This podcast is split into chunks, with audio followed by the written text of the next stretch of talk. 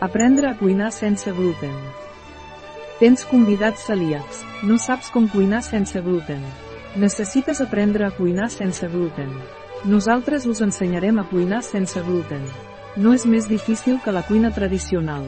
Simplement segueix aquestes pautes. Al principi pot ser angoixant, però us assegurem que després de diversos dies de cuina, tot s'adapta a les vostres necessitats i sense necessitat de pensar, actuareu amb la naturalitat de cuinar les vostres receptes com si res.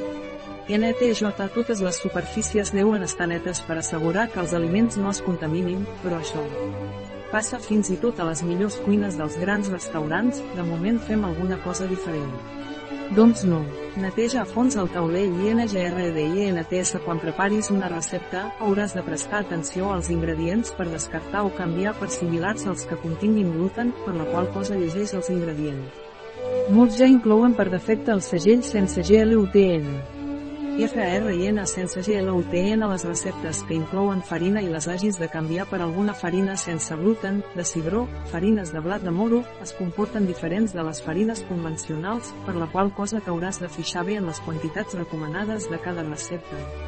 Veuràs que també costa aquestes farines compactar més.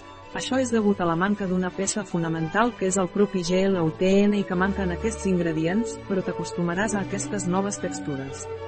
Podeu trobar diferents tipus de farines per a cada tipus de recepta. Assegureu-vos d'haver escollit el tipus de farina correcta. Simplement tingues en compte que les quantitats de les FARINS sense GLUTN són diferents a les quantitats a la mateixa recepta amb FARINS amb GLUTN, FR i GUTS solem reutilitzar l'oli de fregir.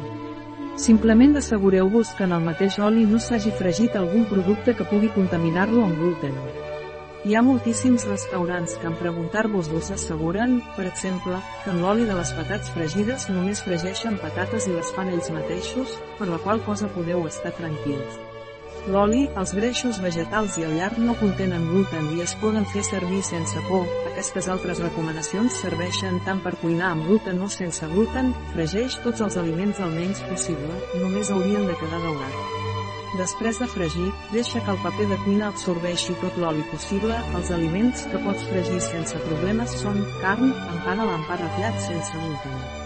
Peix i marisc, verdures i patates preparades com prefereixis, sempre que siguin sense gluten. Galetes i postres sense gluten, per a les patates fregides congelades, revisa a la bossa el segell sense gluten o els ingredients. Molt ull amb les carns empanades. El pa que se sol utilitzar és el normal, de manera que porten gluten, RBOSTR i sense GLUTN el gluten també és el responsable que els pastissos quedin consistents i esponjosos, però si segueixes aquests consells, aconseguiràs un resultat molt semblant. Hi ha diferents tipus de farina i n'hi ha d'específiques per a rebosteria. Utilitza només el tipus de farina i les quantitats que consten a la recepta sense gluten.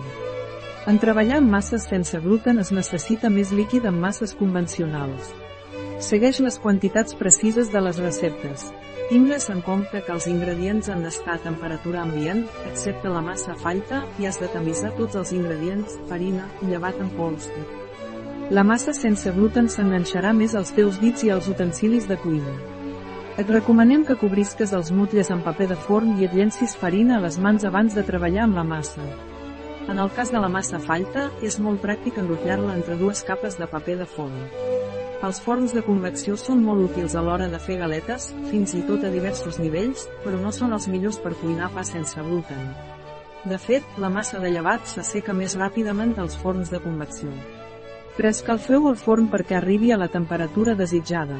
Intenta no obrir el forn durant els primers 15 menys 20 minuts de cocció, PANIF i CADOR si no entens és una de les millors inversions que pots fer. És molt fàcil de preparar. Poses tots els ingredients i et trobes el pa directament a punt de menjar, amb aquesta olor, amb aquest aroma. MMMMMMMMMMM. Afegeix sempre primer els ingredients líquids al recipient. Mesura els ingredients amb precisió usant una bàscula de cuina electrònica. Afegeix el llevat a la barreja al final i mai la barregis amb saela, un cop el pa estigui llest, treu-lo immediatament del motlle i deixa que es refredi en una reixeta. Fes servir ingredients a temperatura ambient si cuinaràs el pa directament. Si utilitzaràs un temporitzador perquè el pa es cogui durant la nit, els ingredients haurien d'estar freds per evitar que el llevat fermenti massa aviat, compte. Hi ha panificadores que la peça que fa la barreja queda dins del pa quan el treus.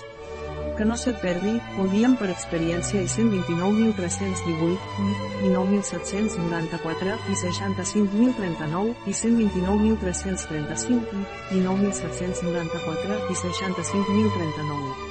Pots guardar el pa que et sobri en una bossa. Et pot durar igual de bo durant dos o tres dies. El pa, les pizzas i els pastissos sense gluten es conserven durant dies si els guardes a la nevera. Congela-ho tot en bossetes de plàstic un cop s'hagi refredat. És millor congelar el plat tallat, així després pots agafar les llesques que necessitis. Si has de descongelar pans sencers, el millor és deixar-los a temperatura ambient o posar-ho al forn a 200 graus C durant un parell de minuts. D'aquesta manera sempre tindreu pa sense gluten fresc a casa. Les galetes de massa falta aguantaran més temps en una caixa de metall. Per pastissos i pastissos, el millor és utilitzar tàpers especials. Bon profit. Un article de Rafael Martín Soto, CEO i Intel·ligència Artificial a Biofarmaces. La informació presentada en aquest article no substitueix de cap manera l'assessorament d'un metge, qualsevol menció en aquest article d'un producte no representa el suport dels objectius de desenvolupament sostenible a aquest producte.